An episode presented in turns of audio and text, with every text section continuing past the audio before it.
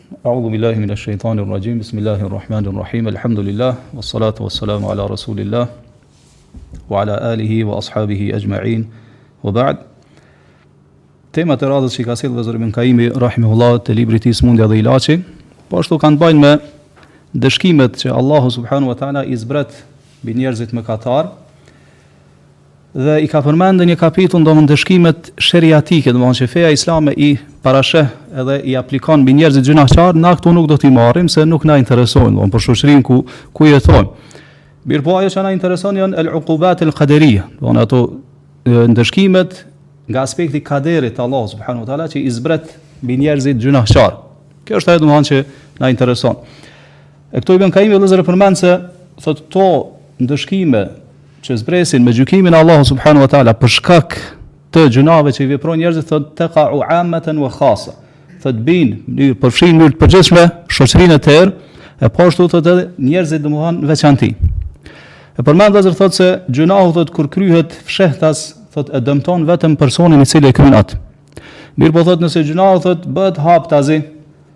Këtë rast thotë gjynahu thotë e dëmton atë person e po ashtu dhe shoqërinë ku ai jeton.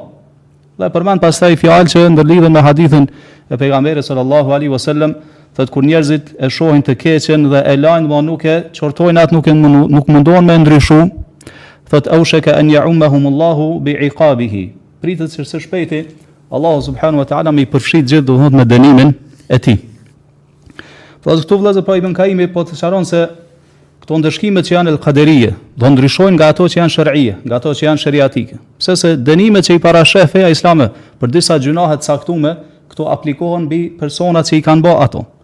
Vetëm bi ata. Ndërsa këto që janë kaderie, kur zbresin, Allah na rujt, n'disa raste mun e përfshin krejt shoqërinë. Të mirin edhe të keqin. Pastaj ringjallen njerëzit në bazë të njetëve që i kanë pas, po. Çfarë hadithi, po që Aisha radhiyallahu anha ka pyet se ka tregu pejgamberi sallallahu alaihi wasallam që domethënë një ushtri e madhe, domethënë para kiametit, ka m'u mundu me pushtu Qabën. E pastaj ka kallzu pejgamberi sallallahu alaihi wasallam që para se me mbrit domethënë ka Allahu i shafit në tokë. E Aisha është çudit radhiyallahu anha ka thonë qysh kur domethënë në mesin e tyre ka njerëz të mirë dhe të këqij. Domethënë dikush u shku e kanë marrë ndoshta me zor, Dikush ndoshta s'ka të bëjë fare me ushtrinë, nuk ka të bëjë fare me luftën. Thot pejgamberi sa thot Allah i përfshin gjithë me dënimin e tij, pastaj në ditën e kiametit ringjallen secili mbas nijetit që ka pas domethënë. Po. Po vllazën kjo është diçka që na ngarkon me përgjegjësi shumë të madhe, po në shoqërinë ku ne ku jetojmë. Po duhet me kanë faktor produktiv n'shoqërinë ku jeton, me kanë person i cili i këshillon njerëzit që i ki përreth, po me kanë shoqëri Pjesëtarët e cilës e këshillojnë njani tjetrin, pra urdhërojnë për të mirë, e ndalojnë nga e keqja. Po ashtu i thrasin njerëzit drejt mirësive dhe po ashtu me kanë person i cili vazhdimisht e lut Allahun subhanahu wa ta'ala që me i përmirësu njerëzit në shoqërinë ku ti jeton edhe me këmngul në lutje drejtuar Allahut subhanahu wa ta'ala që Allahu me i kthy njerëzit në fenë e tij në formën ma të mirë, ma të bukur, jo me dënime, jo me dënime.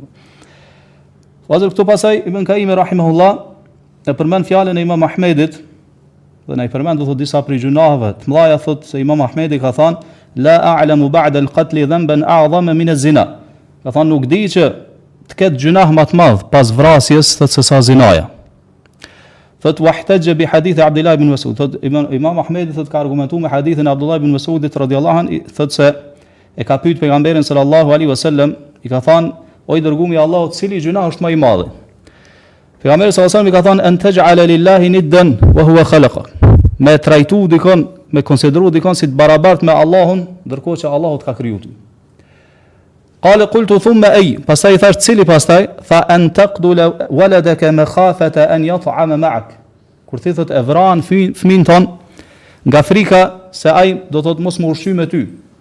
Nga frika e varfrisë do thotë, e vran fëmijën tond. Kjo ka qenë e përhapun te paganët, para se me ardh islami. Kale kultu thumme ej, pastaj thashë cili, tha en tuzanije bi halileti xharik. Thot me ba zina me grunë e kojshisë tond. Fa anzal Allahu dhe tasdiqaha, thot pasaj Allahu subhanu wa ta'ala e ka zbrit vërtetimin e këtyre fjalëve, ka thanë walledhina la jad'una ma Allahi ilahen akhar, dhe ata cilët nuk lusin ndonjë zot tjetër, që është i, do thot, i kotë dhe i pavlerë, përveç Allahu subhanu wa ta'ala, wala jaktuluna nëfse leti harram Allahu illa bil haq, dhe nuk e vrasin dikon do thot veçse me t'drejt, Gjë që e ka ndalu Allahu subhanu wa taala do thot me e mbyt njerin pa drejt. Thot Allahu wa la yaznun, edhe nuk bajn zina. Këto vëllezër janë ato gjynahet më të mëdha të mundshme që ekzistojnë, do thot më të rrezikshmet që i ka përfshi Allahu subhanu wa taala në këtë ajet. E gjynahu vëllezër më i madh, padrejtësia më e madhe është shirku. Kur njeri i bën shirk Allahut subhanehu ve teala, pra shirku vëllezër është gjynahu më i madh që ju ka bërë Allahu subhanehu ve teala. Mosbindja më e madhe ndaj Allahut subhanehu ve teala është fyerja më e madhe, sharja, ofendimi më i madh që ja kanë bërë njerëzit Allahut subhanehu ve teala. Për këtë arsye vëllezër njeri i cili vdes në shirk të madh Allahu nuk e fal. Shikoni mëshira e Allahut domethanë përfshin çka? Gjithçka. Çdo gjë. Mirëpo këtë person jo. Se ka vdek, domethanë n'këtë gjendje, Allahu na rujt. Allahu thotë inna Allaha la yaghfiru an yushraka bi. Vërtet që Allahu nuk fal që t'i bëhet, t'i shoqërohet diçka atij. Wa yaghfiru ma duna zalika liman yasha. Ndërsa gjëra të tjera që janë më të ulta se shirku, thotë Allahu ja fal kujt t'doj. Shikoni këto i ka ndërlidh Allahu çka me dëshirën e tij, mirëpo shirkun jo. Në qëllim është nëse njeri vdes vëllezër n'shirk, edhe në kufër, Allah nuk e fal, Allah na rujt. Atë person do thot ky person nuk ka ma asnjë shpres për to, se ka me shpetu në ditën e kiametit. Nuk ka asnjë fije shpres për këtë person se ka me shpetu në ditën e kiametit nëse ka vdes në shirk, ka vdes në shirk edhe në kufër. Pra, përfundimi i tij është, domethanë dënimi i përjetshëm n'zjarrin e xhehnemit Allah na rujt.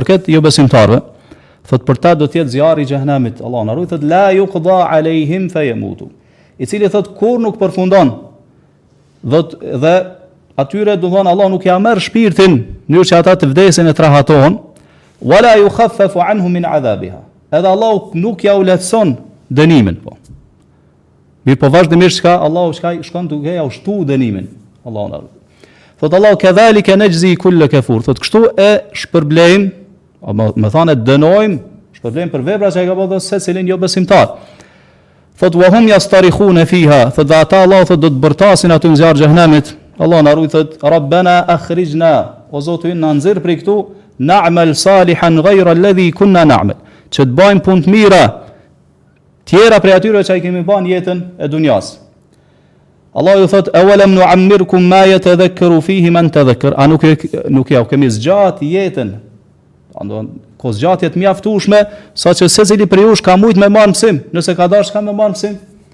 Thot wa ja'akum an-nadhir, krahas asaj Allahu ka çu edhe paralajmrus ka dërgu do thot libra, ka dërgu profet. Thot fadhuku fama li zalimin min nasir. Thot Allah andaj shijojeni dënimin sepse për zullumçarët nuk ka asnjë ndihmës. Allahu na Kjo është vëllezër shirku, pra kjo është kufri dhe rreziku i tij, përfundimi i tij, Allah na rujt. Pastaj, menjëherë pastaj vëllezër, sa i përket shëmtis, edhe banë asaj madhësis, gjynahit vjen vrasja. Pra kur njeri e myt dikon pa drejt, pra po ashtu kur njeri e myt do thot veten, t'dyja këto vëllezër i përfshin vrasja. Pra është prej gjynave më të mdhaja që vjen mas shirkut Allah na rujt. Pa marr parasysh, a e mbyt dikon, apo a e mbyt veten. Pastaj vëllezër vjen çka zinaja. Renditja tjetër është zinaja, domethënë që është krim i madh. Me cilin Allahu gjynah i bahet mosbindje ndaj Allahu subhanahu wa taala dhe sherri i saj është shumë i madh. Po dami që zinaja do t'ia shkakton shoqërisë është shumë i madh. Shikoni vëllezër shirku, shirku e prish fenë. Shirku e prish fenë. Vrasja çka e prish trupin. Ndërsa zinaja çka prish? E prish prejardhjen e njerëzve. Përzihet domethënë prejardhja e njerëzve. Nuk dihet më kush është baba i kujt. Dikujt i atribuohet fëmija që ndoshta nuk është hiç i tina. Mund të cenohet nderi i njerëzve, nëpërkambet domethënë nderi, nderi i njerëzve i muslimanit. Andaj vëllezër është krim i madh, është gjynah i madh, është shumë i shëmtut. Edhe menjëherë po vika çka mas vrasjes. Shikoni vëllezër pejgamberi sallallahu alaihi wasallam në haxhin e lamtumirës,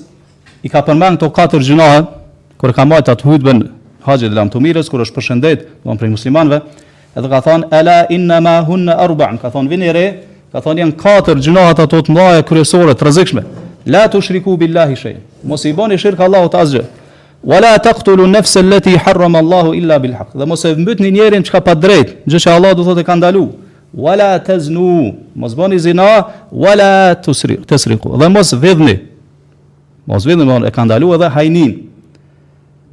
Po ashtu vëllezër, pejgamberi sallallahu alaihi wasallam po ashtu në këtë hutben e lamtumirës, haxhin e lamtumirës e ka përmend edhe këtë të njëjtën gjë në formë paksa më ndryshe ka thënë inna dima'akum vërtet ka thënë jetët tuaja wa a'radakum nderet tuaja wa amwalukum pasuritë tuaja haramun aleikum janë të ndaluara që ju do thot me i cenu me nëpërkamb ato ka hurmati yawmikum hadha fi baladikum fi shahrikum hadha fi baladikum ashtu ka thënë siç është e shenjtë domethënë kjo ditë që ka qenë dita domethënë gjatë ditëve të haxhit po ashtu vendi po ashtu edhe koha Pra vëllezër pejgamberi sallallahu alajhi wasallam ka përdor metoda të ndryshme edhe rrugë të ndryshme që me i paralajmëru njerëzit nga këto gjynahe t'mdhaja, që mos m'iu afru këtyre gjynaheve t'mdhaja edhe ka tregu se sa të rrezikshme, sa të dëmshme janë për njerin. Ne vëllezër, ne vëllezër e dimë se gjynahet ndahen do të thotë t'mdhaja edhe të vogla. Pastaj edhe gjynahet e mdhaja nuk janë të gjitha në një nivel.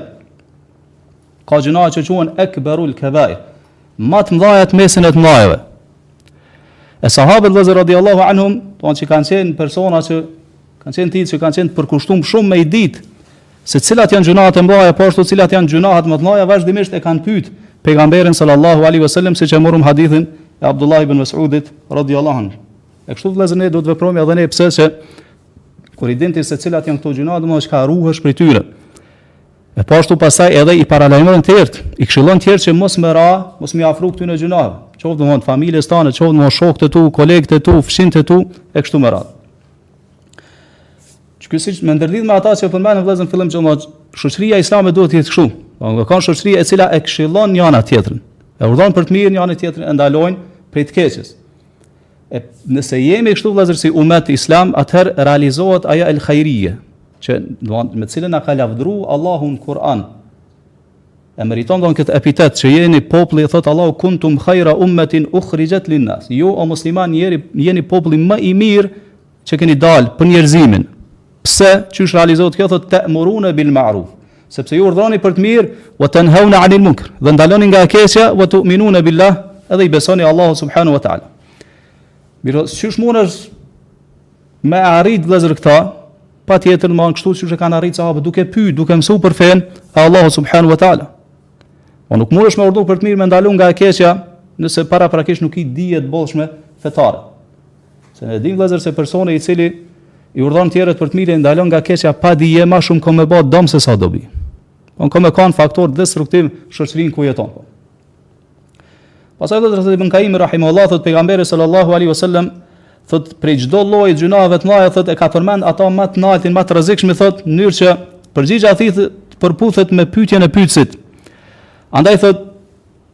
Abdullah ibn Mesudi e ka pyet për gjynahin ma të madh e pejgamberi sallallahu alaihi wasallam e ka përmend domethënë se cili është gjynahi ma i madh, po ashtu ka përmend se cili është gjynahi ma i madh i atij lloji.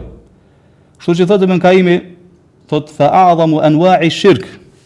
Shirku ma i madh thotë është që an yaj'al al-'abdu lillahi nidda.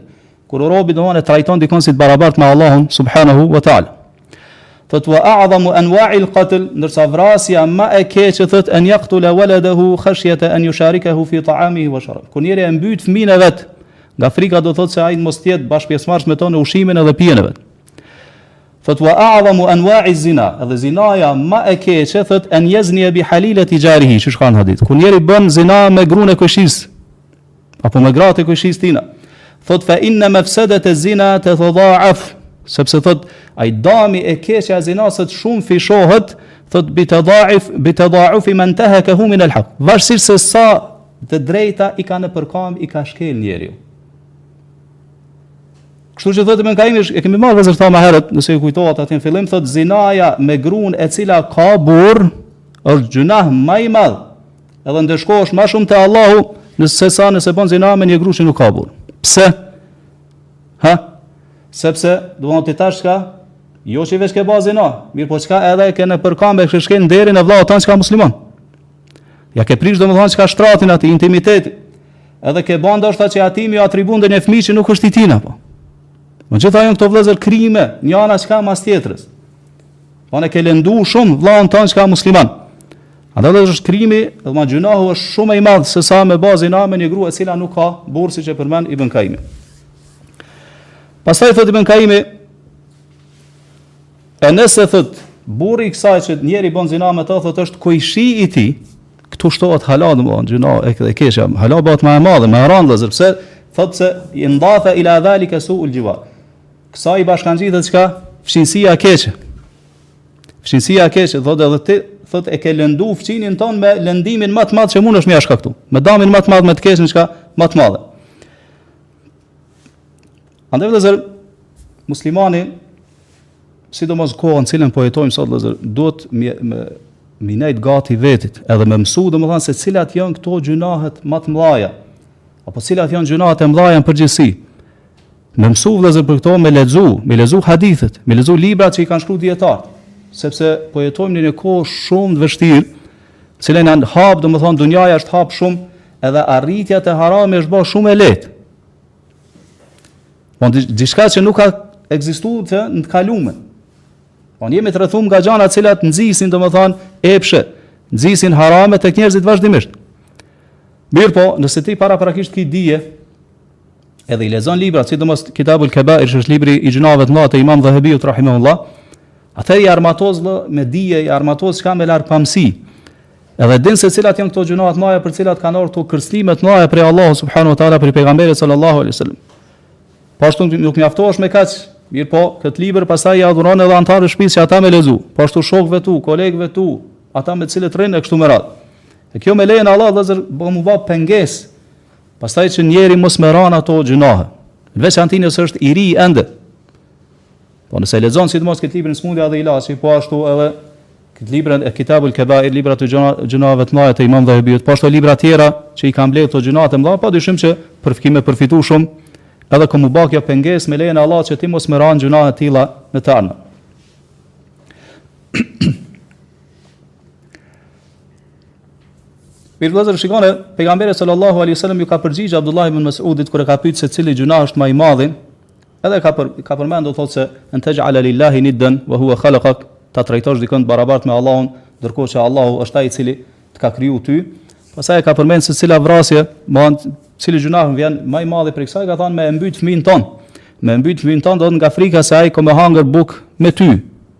Po nëse e myt domethënë nga frika se ai ka me hangër bukë me ty, bën edhe në një farë mënyre s'ka me dal ushqimi yt, ose e myt nga frika se ti çka s'ki me mujt me u kujdes për të çka në të ardhmen. S'ki me mujt me u kujdes për të në të ardhmen. E fatkeqësisht edhe kjo me keqardhje themi se ekziston edhe sot. Po njerëz e mbysin fëmijët e vet nga kjo frikë. Frika se çka nuk ka me mujt ai me u kujdes për të në të ardhmen. Edhe shkon çka e aborton fëmijën Allahu na rujt, kjo është krim i madh. Aq më tepër nëse është në atë periudhën kur ju ka fry shpirti. E kjo është sikur me mbyt një njeri njëjt. Pastaj metoda vëllezër e cila përdoret për atë abort është e trishtueshme, domethënë të rrqethet trupi se si domethënë e coptojnë fëmin, copa copa, e mbysin domethënë.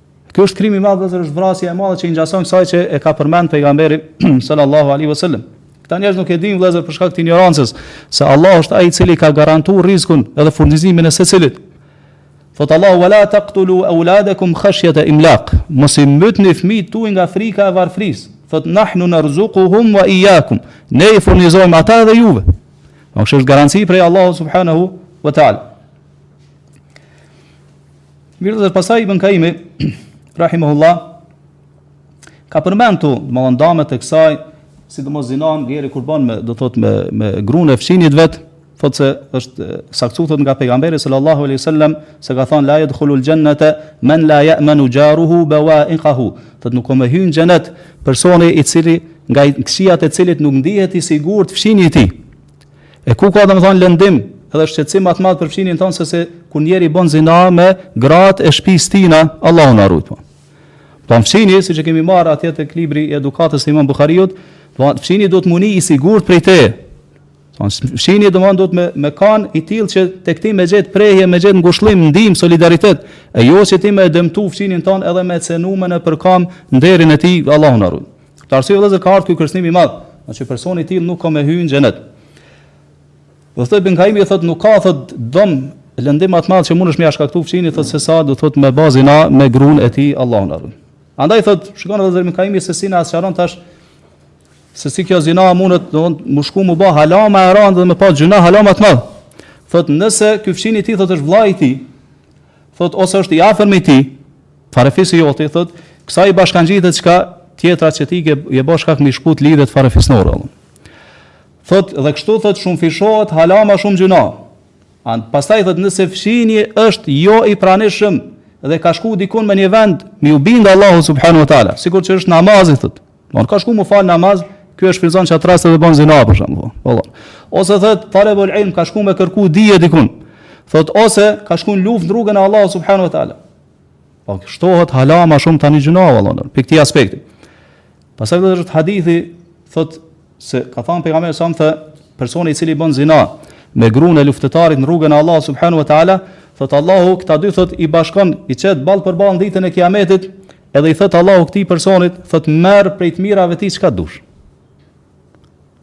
Merr prej të mirave tij çka dush. Thot pejgamberi a.s. fema dhannukum çfarë mendoni thot a ja len naj të mirë? Paramendo ky domethënë është i mbushur me çka me urrejtje ndaj tij. Po ashtu është, siç e përmend Ibn Kaimi rahimehullah, po që është kohë që ti ke nevojë çka për sevape që me pshtu. Domethënë s'ka me ja lon asni t'mirë asni sevap. Allah na. Thot Pejgamberi a.s. ka thënë fema dhannukum çfarë mendoni se ka me bë ky. A ja len naj të mirë domethënë jo. Po s'ka me ja lon asni t'mirë. Ndërkohë thot Ibn Kaimi që Allahu domethënë ja lon n'dorë gjykimin në njëfarë mënyre për atë person që ti me marr çka dush prej të mirave tij. Kur dihet se dita e Kiametit është, domethonë ditë në cilën njeri ka nevojë domthonë për një sevap që me shpëtu prej dënimit të Allahut subhanahu wa taala. Madje domthonë përmend që as babai domthonë nuk i lën kurgjë çka djalit tij hakun, as shoku çka shokut. Në familja as nuk ja jep, domthonë baba me ardh me ta lyp ose vëlla ni ni ni sevap ti nuk ja jep. Tregohesh koprrac se don për vete që me shpëtu n'atë ditë prej tmerreve dhe ndëshkimeve të saj. Pastaj thotë Ibn Kaimi thotë nëse ndodh që gruaja është pjesë e farefisit ton edhe këtu domethënë hin domethënë çka është edhe shkputja e lidhjeve farefisnore Allahu na ruaj. Pastaj thotë nëse ndodh që personi që bën zina është i martuar domethënë kjo po dihet pastaj gjynahu është ende më i madh dhe ndëshkimi për të është domethënë ndëshkim i rreptë.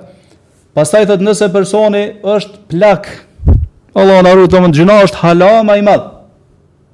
Pse vëllazër ka ardhur domethënë siç shpjegojnë dijetarët se ajo çka e nxit pastaj plakun për me ba zina domethënë ajo shumë e dobët domethënë në natyrën e tij dhe në trupin e tij andaj nëse plaku bën zina çka na jep me kuptu vëllazër kjo që ai person është shumë i prishur është çka shumë i keq nuk është domethënë sikur i riu domethënë që pra atë epshin e ka domethënë në kulm Mirpo plaku edhe bën zina, kjo na jep me kuptuar se është person shumë i keq edhe shumë i prishur Allahun.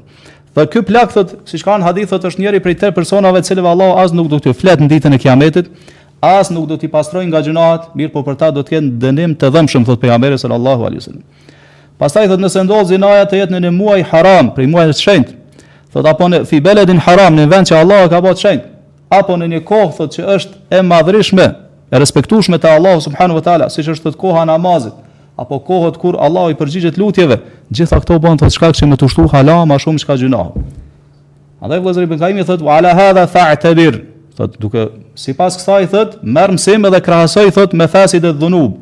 Se duan ato të këqijat, pasojat e gjynaheve, wa tada'ufu darajatiha.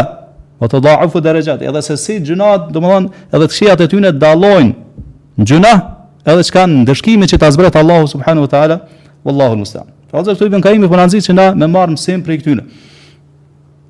Pastaj vëllazër ibn Kaimi rahimahullah kalon në një temë tjetër,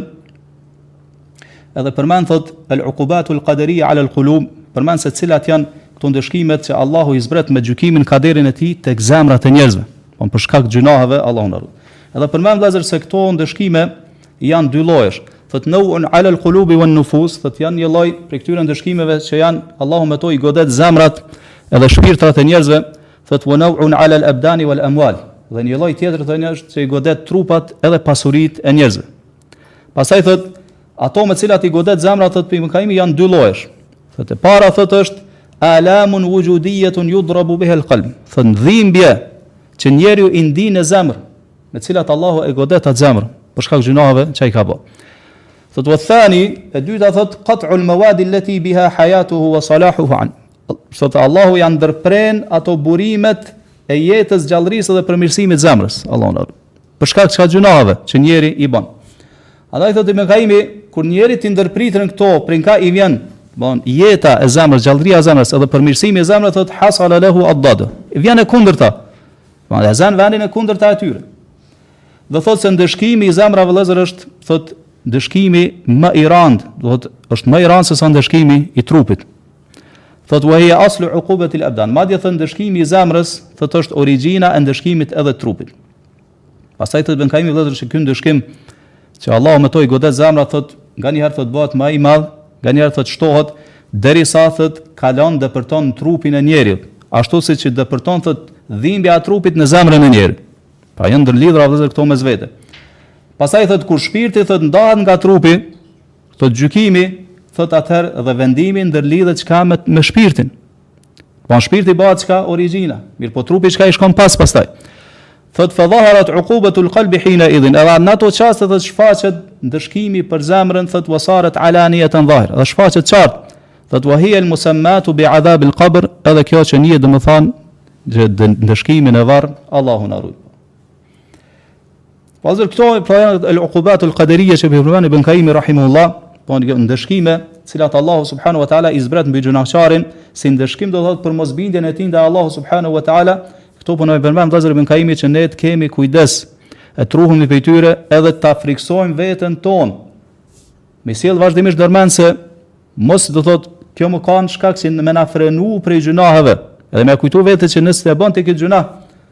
Atëherë Allahu ka me kanë i hidhrumë dhe i zemrumë me ty edhe ka mundësi që ta zbret pastaj këtë kët ndëshkim Allahu na rujt.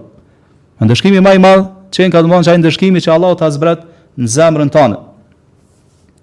Këtu po përmend vëllazër që jon dy lloje këto, po përmend se një lloj është në zemër, një lloj në shpirt, e lloji tjetër është në trup, edhe në pasurinë, Allahu na rujt. E përmend që në zemër, si të godet Allahu me ndëshkime, thot, me anë dhimbjeve ndryshme, me cilën Allahu, me cilat Allahu ta godet zemrën tane, do si ndëshkim për gjynahet mosbindjet që i ke ba. Këto domethënë dhimbje që njeri, dhimbje t'ndjeshme pastaj që i, i nin zemrën e tij, brenga, pikllime, frika, frikohet, e nuk e din pse çka pse po frikohet, po. pikllohet, ka brenga, nuk e din çka pse, ka lëkundje, domethënë ankth shqetësime, nuk e din pse. Gjitha këto vëllezër janë çka pasojë e gjynaheve që i bën njeri. Allahu na rujt me cilën Allahu e ndëshkon gjynahqarin, andaj vëllezër duhet të kemi kujdes. Lloji i dytë që po përmend imam Ibn Kaimi që është më i rëndë se kjo e para, është kur Allahu për shkak të gjynaheve t'i ndërpren ato burimet prej ka ty të vjen ajo gjallëria jeta e zemrës edhe përmirësimi i saj. Se pse vëllazër është kjo është më e rëndë, është më e më e rrezikshme sepse kur ndërpriten ty këto, atëherë ty ka kjo që me bë që ty me të shtu hala më shumë gjuna. Ti me thellu çka hala më shumë gjuna. Kemi vëllazër hadithin e pejgamberit sallallahu alajhi wasallam ka thënë që robi i Allahut kur i bën gjuna Allahu subhanahu wa taala në zemër iu bëhet çka një pikë e zezë. Pastaj sa më shumë që shton gjuna, po aq do të thotë shton pikat e zeza derisa të bëhet çka e rran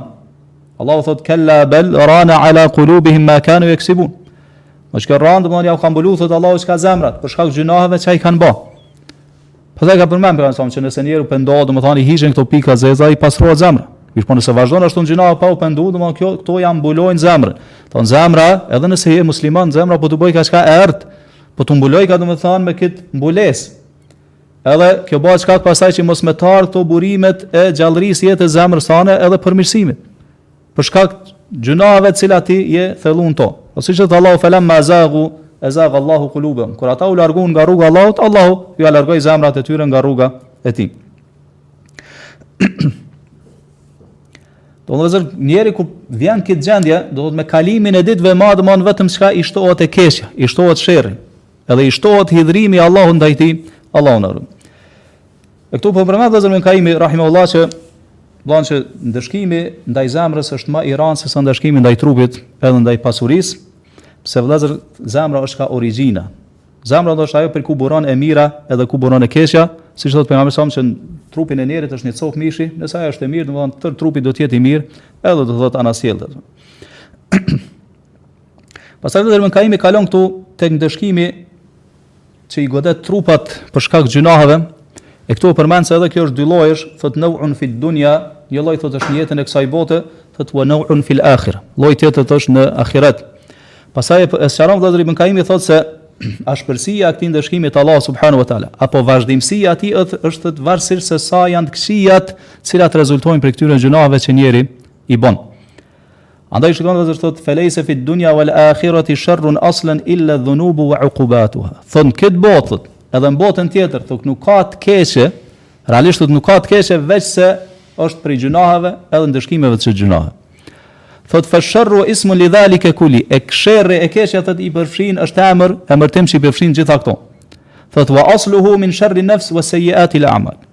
Edhe burimi, origjina thotë është prej sherrit, keqes së nefsit, shpirtit, edhe veprave të këqija. Thotë dhe këto janë thotë dy parime, apo me thonë dy origjina kështu thotë prej cilave pejgamberi sallallahu alaihi wasallam ka kërku prej Allahut me e mbrojt gjatë hutbeve kur i ka majt. Çka thonë pejgamberi i Allahut. Çka ka thonë wa na'udhu billahi min shururi anfusina wa min sayyiati a'malina. O Allah na mbroj prej të këqijave të vetvetëve tona, edhe prej punëve tona të këqija. Thotë Ibn Kaimi thotë, veprat e këqija thotë vijnë si rezultat i të këqijave që janë në nefsin e njerit. Andaj thotë, e tërë e keqja thotë kthehet tek sherri që është në nefsin e njerit. Thotë fa inna sayyiati al-a'mal min furu'ihi wa thamaratihi. Sepse punët e këqija janë prej degëve e frytave që degëzon do thotë prej shpirtit të keq që e ka njeriu.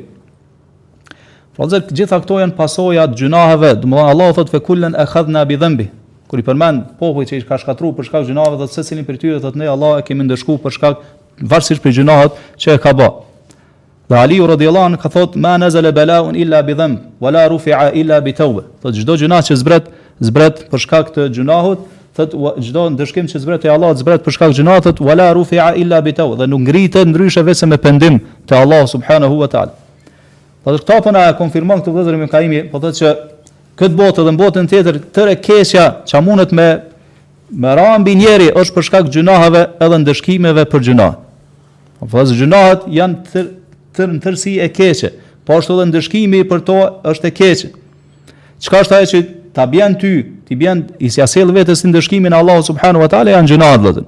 Janë gjynahet. A dhe Ibn Kaimi vëllazër këta po e pohon apo thon se e keqja është ajo emërtim që i përmbledh gjitha këto. Domethënë gjynahu edhe po ashtu ndëshkimi për gjynahet kthehen tek e keqja, Allahu na ruajt që mundet me godit njerin në këtë botë e po ashtu edhe në botën tjetër.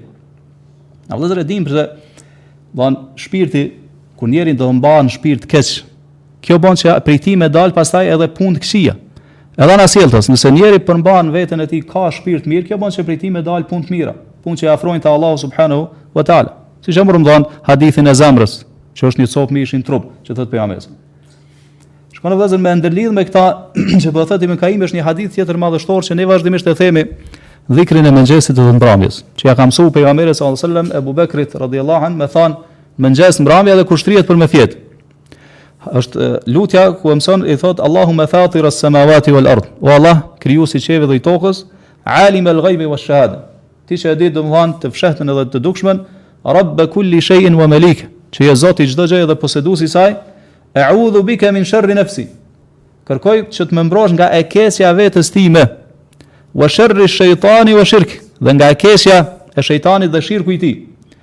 Wa an aqtarifa ala nafsi su'an. Po ashtu Allah më mbroj që, domethënë mos mos i bëj keq vetes time, domethënë duke bo gjynah.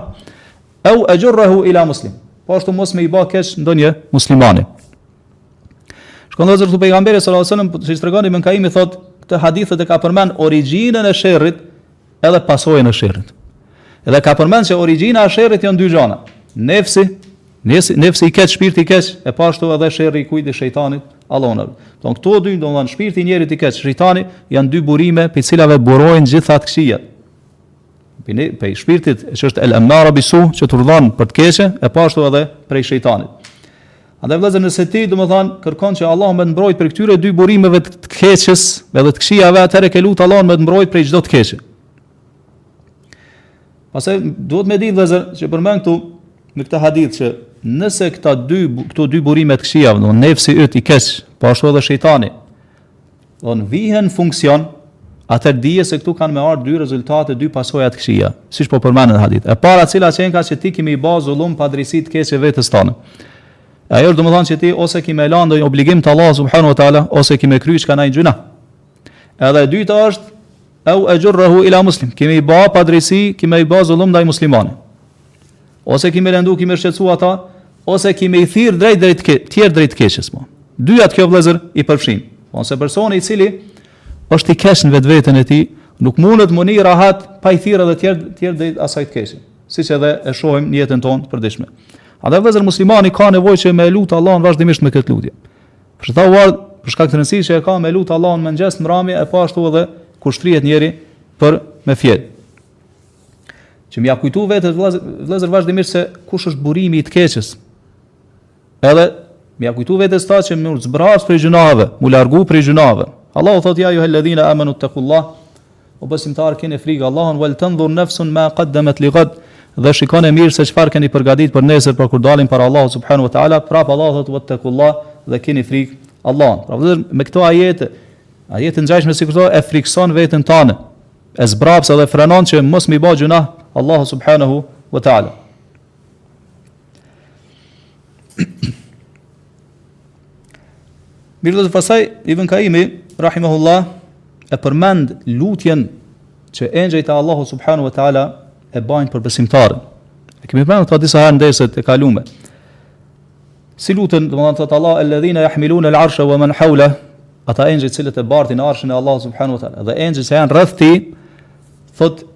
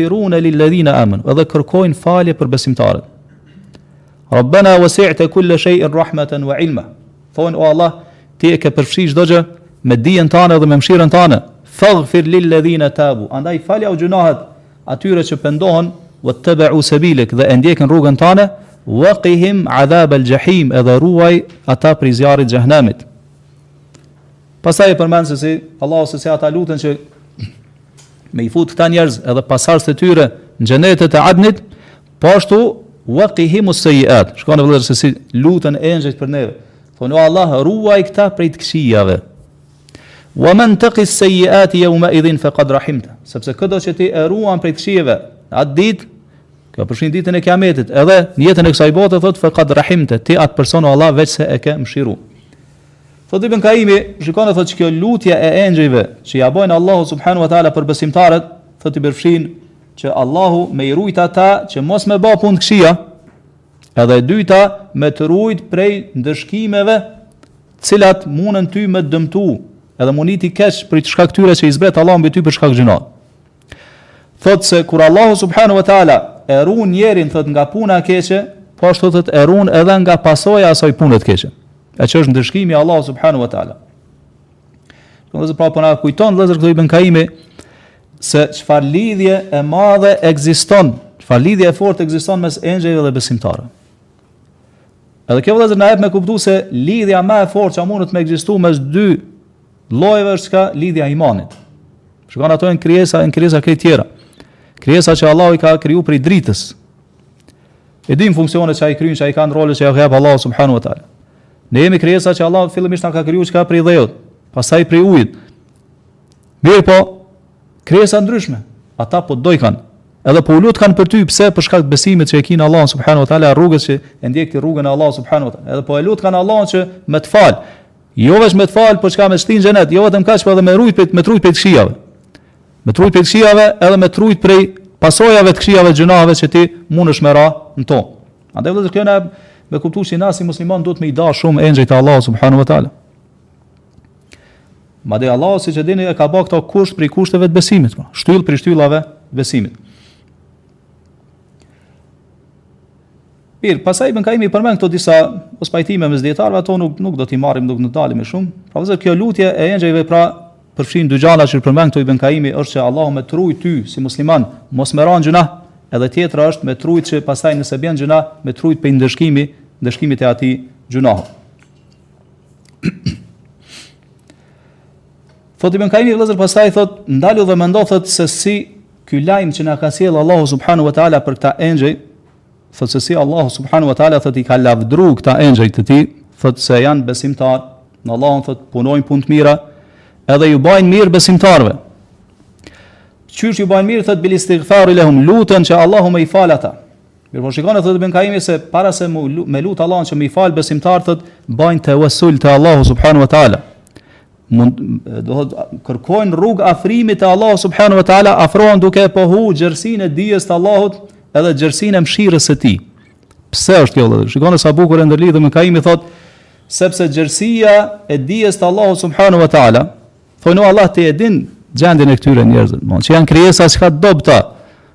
Thonë, sikur po thonë kështu engjëjt, domthonë se gjerësia e dijes të Allahu subhanahu wa taala thotë të përfshin dijen e tij subhanahu wa taala për gjunahët e njerëzve, për shkaqet që i kanë nxit me ra n'ato gjunahe, edhe se janë krijesa të dobta, janë krijesa që Allahu nuk i ka ruajt prej gjunave, siç i ka ruajt çka engjëjt. Po ashtu thotë e përfshin edhe dijen e Allahu subhanahu wa taala se janë njerëzit mposhten prej armikut tyre, prej nefsit tyre, prej epsheve tyre, prej natyrës tyre. Po ashtu prej gjanave që u hijeshohen para syve të jetës së kësaj bote. edhe stolive, bukurive të saj. Po ashtu thotë e përfshin dijen e Allahut kur ai i ka kriju, domethënë prej tokës, edhe thotë kur ata kanë qenë fetus në barkun e nanave tyne. Po Allah din çdo gjë për ty. Dijen e tij të mëhershme se pa tjetër këta njerëz kanë mi ba gjuna Allahu subhanahu wa taala. Dhe se Allahu e do faljen dhe zërë, edhe do mbulimin e gjunave. Domethënë Allahu të fal, ta fal gjunan edhe ta fshin pasojën e gjunave që mundet me t'ardh.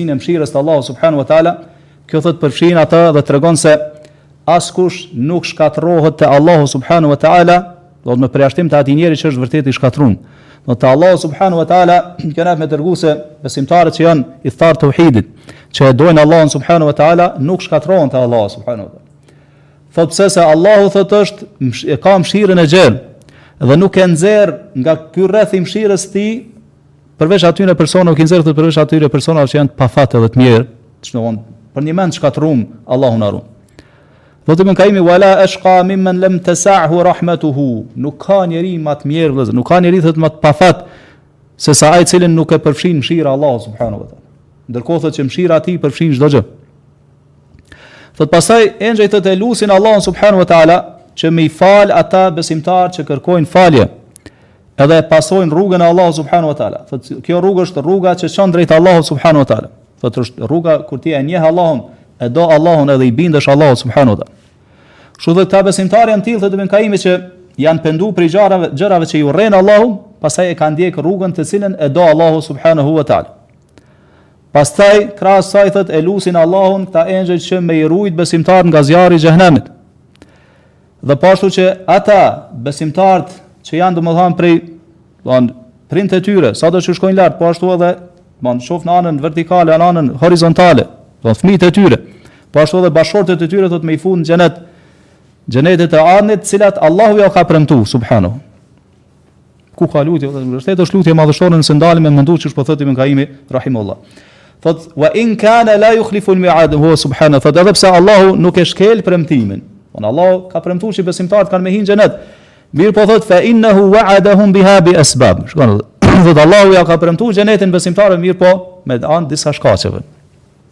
Ti pa tjetër duhet mu mundu me i marrë qito shkaqet. Thotë wa min xhumlatiha, në mesin e këtyre shkaqeve edhe du'au malaikatihi lahum. Qekjo lutje, që Allah ka ba që engjëjt ka mu lutë për ty. Qekjo ka qenë një prej shkaqeve, që Allah me i fut ata në mshirën e ti, në saje t'cilës thotë Allah i ka jep sukses besimtarve me ba punë të mira, edhe në saje t'mshirës ti ka ba që engjëjt mu lutë për besimtarët. Po çdo gjë po kthej ka ku te mirësia dhe mëshira e Allahut subhanahu wa taala. Dhe zër, kjo që po don me thani Ibn Kajimi që kjo duaja që engjëjt e bajnë për ty si besimtar është prej begative më të mëdha që Allahu ti ka jap ty si besimtar. Shikoni ata që e bartin ban arshin e Allahut, engjëjt më të afërt, krijesat më madhështore të Allahut po u lutkan për ty natë e ditë. Që Allahu çka me ti fal gjunat me t'rujt pej xhehenemit edhe me t'shti n'xhenet. Bile me t'rujt që ti në origjinë mos me ra hiç në gjuna. Pastaj nëse bjen, që Allahu me ta fal atë gjuna edhe mos me të ndëshku për atë gjuna. Pastaj thotë Ibn Kajimi Allahu na tregon se këta engjëjt pas asaj lutje thojnë innaka antal azizul hakim, sepse me të vërtetë ti o Allah je el aziz, je i gjithëfuqishëm, el hakim je i gjithë urtë.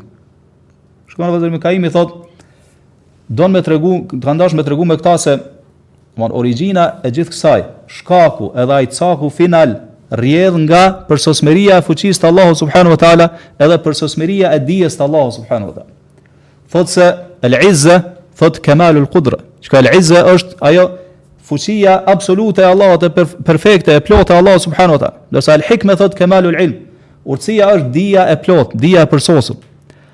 Andaj thot përmes këtyre dy cilësive thotë Ibn Kajimi Allahu gjykon çfarë të doj. Përmes fuqisë ti edhe urtësisë ti. Thot wa ya'mur wa yanha, urdhëron dhe ndalon, wa yuthibu wa yu'aqib. Shpërblen dhe ndëshkon. Thot fa hatani sifatani masdarul khalq wal amr. Këto dy cilësi thot janë burimi i krijimit edhe i urdhrit të Allahut subhanahu wa taala. Shkon vëzë është një parim që përmendin dijetart tek emrat e cilësitë e Allahut, si në veçanti ajetet, nëse një ajet përfundon me dy emra ose cilësi të Allahut, atëherë kjo na jep me kuptu që konteksti i ajetit ka të bëjë pikërisht me çato dy cilësi të Allahut ose emrat e Allahut. Domethënë çato dy gjëra, domethënë çato dy emra ose cilësi që ka përmend Allahu në fund të ajetit ndërlidhen me kontekstin e ajetit, patjetër. Po.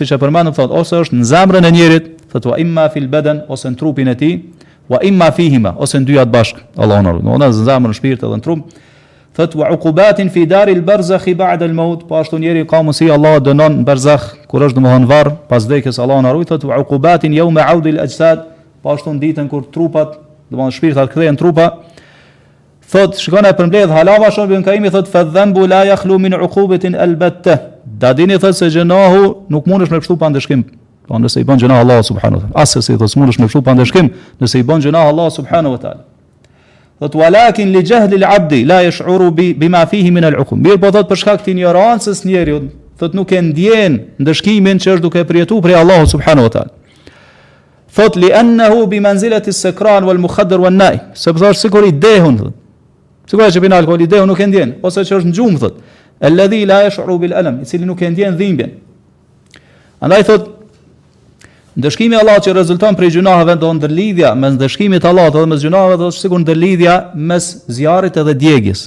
Po po nëse i afrohesh zjarrit patjetër çka ki m'u djeg. Po ashtu thot thyrja me diçka që shkakton thyrjen. Po ashtu thot fundosja ku që ndërlidhet me ujin. Po ashtu thot prishja e trupit për shkak të konsumimit për shembull thot helmit.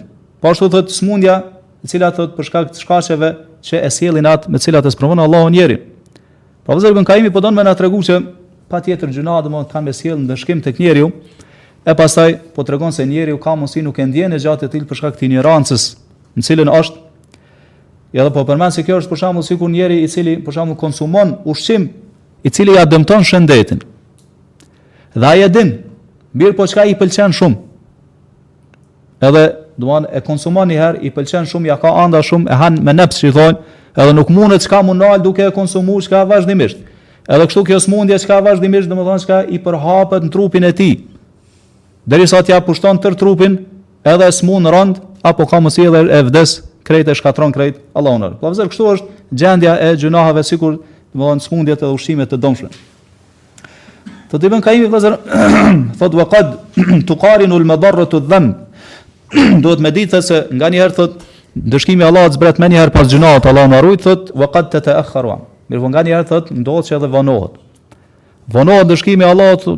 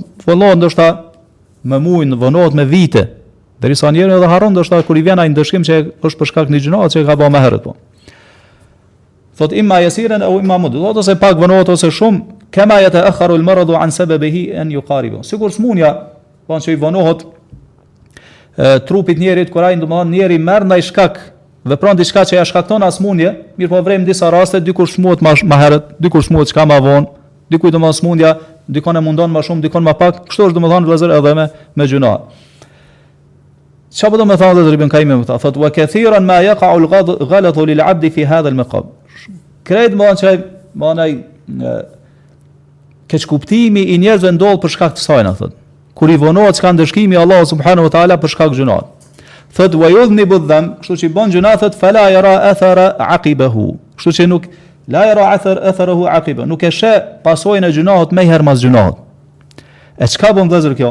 Domethënë ai bën gjuna, edhe vren që Allah nuk po ndëshkon për atë gjuna, fillon e bën çka edhe ni gjuna, e bën edhe një gjuna, edhe një gjuna, edhe vren çka që nuk po zbret ndëshkim për atë gjuna, edhe thotë s'paska pra ndëshkim për këtë gjuna. Po. Edhe vazhdon çka ashtu gjuna edhe zhytet n'gjuna, Allahu na rujt. Thot wala yadri